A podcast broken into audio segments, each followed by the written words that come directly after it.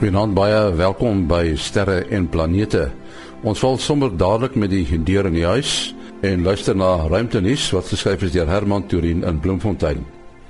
Wetenskaplikes verwag 'n wonderwêreld van Pluto en sy maane wanneer die New Horizons ruimtetuig binnekort binne so wat 10000 km van die dwergplaneet Pluto verbytrek. Die New Horizons het reeds sy eerste kleurfoto van sy bestemming na die aarde teruggestuur, al is die tuig nog steeds so wat 115 miljoen kilometer weg. Maar oor minder as 100 dae sal sake heel anders daar uitsien wanneer die verbyvlug op 14 Julie vanjaar plaasvind. Na mate meer besonderhede die wetenskaplikes op aarde bereik, verander hulle verwagtinge oor wat uiteindelik op hulle wag wanneer die dwergplaneet en sy maane werklik naby sal wees gaan daar vure van vloeibare neon oor die oppervlak vloei of het Pluto 'n oseaan onder die yslaag. Op 24 April vanjaar was dit presies 25 jaar sedert die Hubble ruimteteleskoop na sy wentelbaan meer as 600 km bo die aardoppervlak gelanseer is. Die teleskoop was ontwerp om 15 jaar lank diensbaar te wees. Die teleskoop van 1,5 miljard dollar is gou erg gekritiseer toe dit blyk dat daar foute in die kalibrasie van die teleskoop se spieël was. Hierdie foto was nie naby die sentrum van die spieël nie en beelde van galaksies meer as 100 000 ligjare van die aarde af is na die aarde teruggesyn. 3 jaar na sy lansering is die spieël ook reggestel. Vandag is die mees asemrowende beelde uit die ruimte wat deur Hubble geneem is alledaags in omloop en word as een van die suksesvolste wetenskaplike projekte ooit beskou. Tot sover 'n ruimtenuus. Nekobus Olkers het gereed in Florida, Amerika met die nuus oor die son. Uh, Kobus. 'n Goeienaand en goeienaand luisteraars. Ja, ons ons het hierdie da, hierdie week weer 'n besige son gehad. Ons het 'n hele klomp X ag M-klas vakkels gehad hier so vroeg in die week uh, na tot tot en met Woensdag se koers toe. Dit is 'n uh, ehm um, aktiewe area wat nou net oor die besig is om oor die kant van die son te verdwyn. Uh ons gaan nie meer vakkels van hom af kry nie voor oor so 2 weke van nou af nie. En ons het 'n nuwe ene wat aan die linkerkant van die son, aan die ooste kant van die son verskyn. Ehm um, wat vir ons 'n bietjie onstabiliteit gaan gee. Dan het ons ook die effek gehad van 'n koronagat, 'n uh, redelike groot koronagat aan die suide en in die noordelike halfrond van die son. Uh hulle sal vir ons nog besig hou tot so maandag dinsdag se koers toe en dan is die volgende een alweer daar wat nou pas oor die kant van die son kom. Uh so uh, ons het maar redelike uh nie baie onstabiele nie maar redelike onstabiele uh, ruimte weer op die oomblik en ons kan verwag om veral ons ons langafstand kommunikasie uh, radiokommunikasie mense kan uh, dalk 'n bietjie probleme hê. Jou kontak besonderhede Kobus 0616104 Dis kobusolkers@gmail.com k o b u s o l c k e r s @gmail.com. Nou ons het ons span uh, weer gereed hier by die mikrofoon. Uh dit is uh, Willie Koorts van die Suid-Afrikaanse Astronomiese Observatorium en dan professor Mati Hofman van die Universiteit van die Vrystaat, die Boden Sterrewag en die Digitale Planetarium. Nou ons is nou besig om oor te beweeg van uh, die die somer na die winter toe.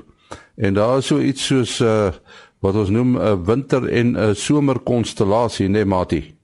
Uh en ja, ons kon die afgelope week voel ons beweeg oor na die winter toe hier Valie en Bloemfontein met uh winter wat so deur mense gesny het en daarmee saam kan mens sien dat die somerkonstellasies daar rondom Orion en die drie konings gaan afvroer onder.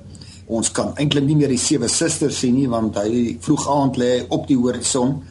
Ehm um, man daarmee saam dan het my se voordeel as ons ooswaarts kyk sonder hier ag hierdie aantal, uh, dan sien ons wat Saturnus uh baie mooi, maar Saturnus is nie altyd daar nie. Hy is nie ken uh, merkend van die winternaghemel nie.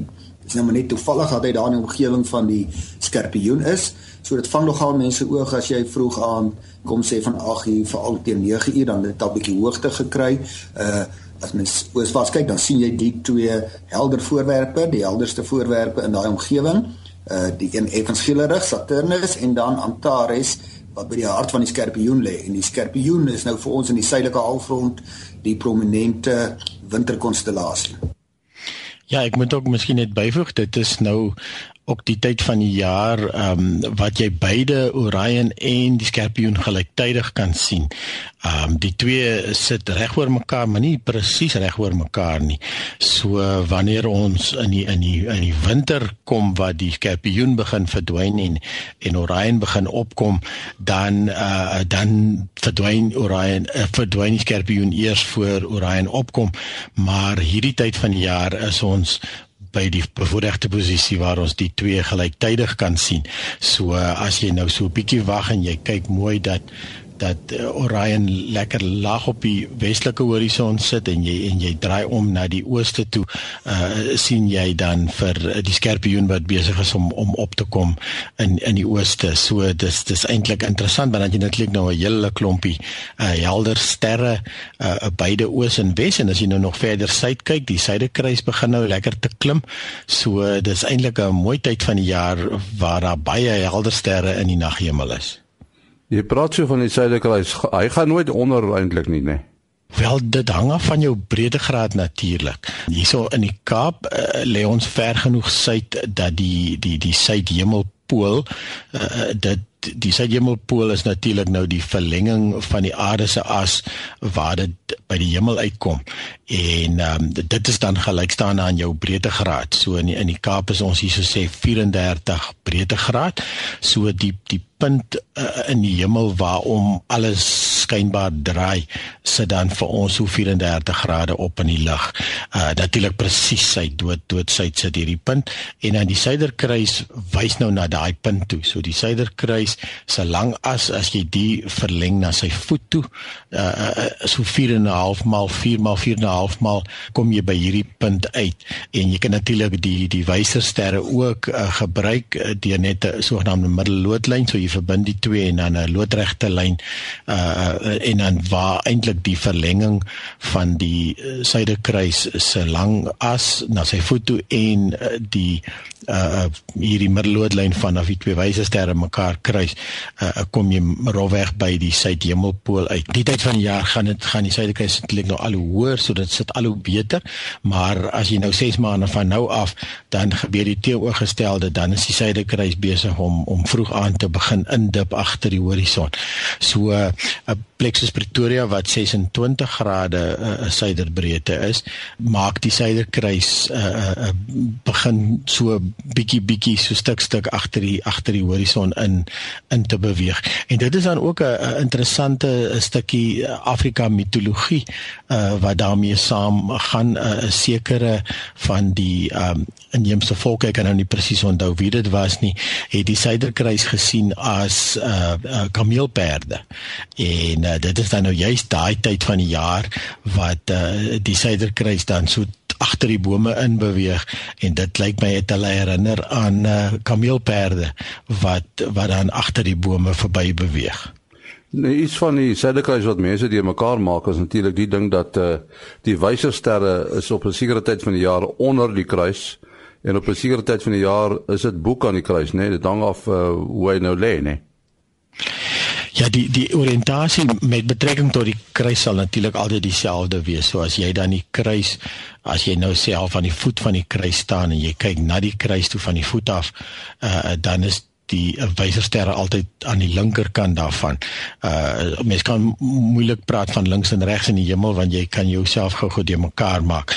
Maar um so as die kruis dan mooi regop gaan staan, gaan die uh wysersterre altyd aan sy linkerkant sit. So dit is reg so hierdie tyd vroeg aand uh uh lê die kruis op sy sy en en met die twee wystersterre aan sy onderkant en um, dan hierso so by middernag se kant dan dan staan die kruis mooi regop met die met die met die wysersterre nog steeds aan sy linkerkant en dan as jy nou môreoggend vroeg opstaan net voor die son uitkom uh dan sal jy sien lê die kruis weer op sy sy heeltemal na die ander kant toe en en met die wysersterre dan aan die bokant daarvan so dit lyk asof hulle asof hulle beweeg maar mens moet net onthou die die relatiewe oriëntasie gaan altyd dieselfde bly. Ja, maar hierdie tyd van die jaar, uh, jy het vroeër gepraat dat 'n mens uh uh die die winterkonstellasie die die uh, Skorpioen en uh die die Orion groep uh kan 'n mens uh, gelyktydig sien. Uh dit die een voorreg is uh mens kan dan die twee groot rooi reuse sien, net Betelgeuse en natuurlik Antares. Uh ja, om die waarheid te sê, uh as mens nou net links onder Orion kyk, onder die drie konings waar die Taurus se kop kry, so 'n groepie sterre wat soos 'n uh, skuins A lyk, die een ster op die punt Aldebaran is ook 'n uh, rooi reus, maar Antares en Betelgeuse gaan deur as superrooi reuse. Uh om 'n gevoel te gee as Antares was waar ons son was, dan uh, sou al die planete tot en met ongeveer Jupiter uh binne die ster gewees het. Jy moet nou net gedagte hou die ster het uh sluit sy atmosfeer in waar dit nog steeds baie hoë temperatuur het, maar 'n relatiewe lae digtheid. Maar uh dit sal volgens die astrofisika nog steeds stel as jy is binne in die uh binne in die ster uh onder sy oppervlak, maar die oppervlak is nie so skerp gedefinieer nie. Ehm um, maar as, as ons nou praat van Orion teenoor die suiderkruis, uh dan moet mens nou sommer as jy van die een na die ander kyk, moet jy so 'n bietjie die Melkweg volg. Uh die Melkweg gaan net so regs van Orion verby as ons nou in die noordwestelike rigting kyk vroeg aand. Uh dit en dan gaan die Melkweg in die suidooste deur die stert van die Skorpioen. So die Skorpioen is nou een van die minkonstellasies wat lyk soos wat sy naam voorgee. Uh en dit het 'n duidelike stert wat omkrul en eindig in twee helder sterretjies naby mekaar want dit is baie naby aan die middel die rigting na die middel van ons Melkweg. Uh formeel is die rigting na die middel van die Melkweg in die konstellasie Sagittarius, die boogskutter wat nou net langs die Skorpioen lê. As mens nou in daai omgewing kyk, dan kan mens sien op as dit nou mooi donker aand is en op die oomblik ja, die maan het nou 'n bietjie begin groei. Uh maar hy gaan dan redelik vroeg vroeg onder. En as daai gebied nou hoër sit, dan kan mens die band van die Melkweg volg, dan kan jy sien daar rondom die stert van die Skorpioen word hy heelwat breër. En dit is nou wanneer ons in die rigting van die sogenaamde die sentrale bol van die Melkweg kyk, die sogenaamde galactic bulge. En hier in Bloemfontein beweeg daai gebied wat belangrik vir die astrofisika is omdat daar so baie sterre is, beweeg reg in die middel van die winter wanneer ons baie min wolke het en dit lekker koud is, beweeg dit reg oor Bloemfontein die die uh deklinasie ons moet nou maar die hemelbreedtegraad van die uh skorpioen uh of die middel van die melkweg eerder is minus 29 grade en dis ook die breedtegraad van Bloemfontein. Jy praat nou van die deklinasie, is dit die hoek wat die ekliptika vorm met die met die band van die melkweg? En nee nee, dit is bloot die as jy vanaf die hemel ewenaar meet, uh is dit die direkte analoog van breedtegraad op die aarde. Ons meet ons breedtegraad vanaf die uh, ewenaar op die aarde, so suid neem ons as negatief en noord neem ons as positief. en die sterrekunde gee ons net 'n ander naam daarvan, dan klink ons bietjie slimmer. Ons noem dit deklinasie. Ehm um, en die hemelewenaar is presies konsentries met die ewenaar op die aarde. So as mens jou sou voorstel, uh, jy blaas die aarde op as 'n baie groot bal en jy plaas jou in die middel dan sou die ewenaar saamval met die hemelewenaar. Ja, wil jy uh, miskien moet jy net verduidelik dat wat, wat is die ekliptika presies en uh, watter hoek vorm hy met die met die band van die uh, van die melkweg want uh, dit bly nie al dieselfde nie, né? Ja, ja, die ekliptika is natuurlik nou die wat die ou mense genoem het die diere riem en dis natuurlik nou ook uh, waar al die sterre voorspel konstellasies lê. Daar's 88 konstellasies oor die hele naghemel en uh so 12 van hulle is dan uh daar's eintlik 'n 13de een ook vir die mense wat nou amper sê ek hardcore as uh, sterrebegelaars wil raak. Uh um wat dan die die die son en die maan en natuurlik die planete wat almal maar op dieselfde vlak lê uh, en beweeg uh, deur beweeg deur die loop van die jaar vir al die son nou. En uh, um, so dan uh, uh, die die ekliptika uh, so, soos ek sê is dan nou is dan nou die sogenaamde diere riemen dit is dan ook waar jou uh, sterre voorspel konstellasies uh, jou bil en jou in en die uh, jou Taurus en die tweeling ensovoorts in in sal lê. Ehm um, die die hoek met die met die uh, melkweg is nie is ek nie presies seker van nie. Ehm um, want eintlik as uh, maar dit nou geraak aan die 'n koördinaatstelsel wat ons gebruik om sterre te vind. En ons praat van die deklinasie en dan die ander ene wat gelykstaande is aan aan lengtegraad is 'n sogenaamde regte klimming wat 'n baie snaakse Afrikaanse woord is. Maar in Engels praat ons van right ascension en en declination. En dit is dan uh, basies amper soos jou GPS koördinate van sterre kan jy maar amper sê as jy aan 'n ster uh, opkyk in 'n in 'n in 'n 'n ster katalogus en en sterrekundiges gebruik uh, uh, suiwer dit om om sterre te vind in die naghemel uh gebruik nie soos ons amateurs die metode om om te weet in watse konstellasie en dan is dit 'n flou dingetjie is om driehoekies te maak ensovoorts nie.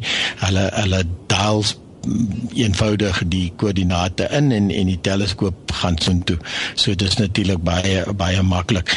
Dan is daar ook 'n 'n stelsel wat wat jy uh, dit sal natuurlik jou kosmoloë en die mense wat in die Melkweg self navorsing doen en en goed spesifiek in die Melkweg relatief tot mekaar uh sal vind uh werk ook met 'n koördinaatstelsel wat dan die uh die die, die Melkweg se se as vat as as soort van die zero kan jy maar amper sê.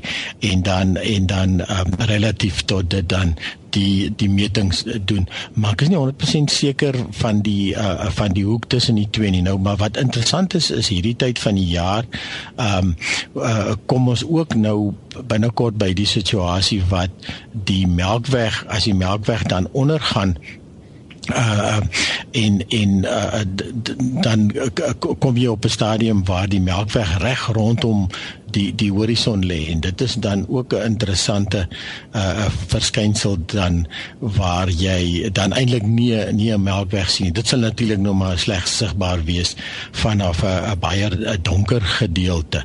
En dan die ander ding wat nou ook aan die gebeur is nou van ons van van somer na winter uh, oorgaan is dat ons ons in die winter sien ons eintlik die die dikker gedeelte van die melkweg as jy dit so wil stel. So as ons onsself voorstel die die die melkweg is hierdie skuif. Uh, uh um, wat nou bietjie vetter is in die middel. Party mense sê altyd twee twee gebakte eiers wat op mekaar lê. So die gele is in die middel en die wit is dan raak nou al hoe dunner na die na die kant toe. Uh um en dan is ons omtrent so 2/3 uit uh, uh vanaf die middelpunt. So uh, ons kan onsself dan voorstel as ons na die een kant toe kyk, dan gaan ons na die dun gedeelte, na die 1/3 gedeelte toe kyk en dit gebeur tipies in die somer.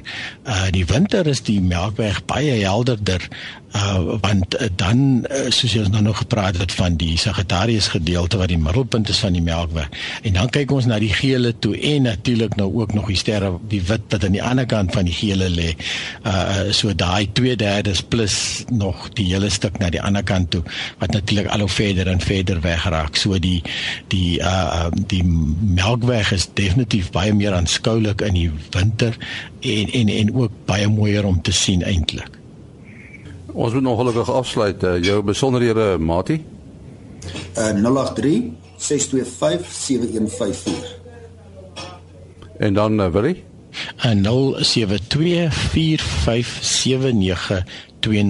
en 072 4579208. En my e-posadres maas.denny@gmail.com maas.denny@gmail.com. Tot uh, volgende Sondag. Alles van die beste.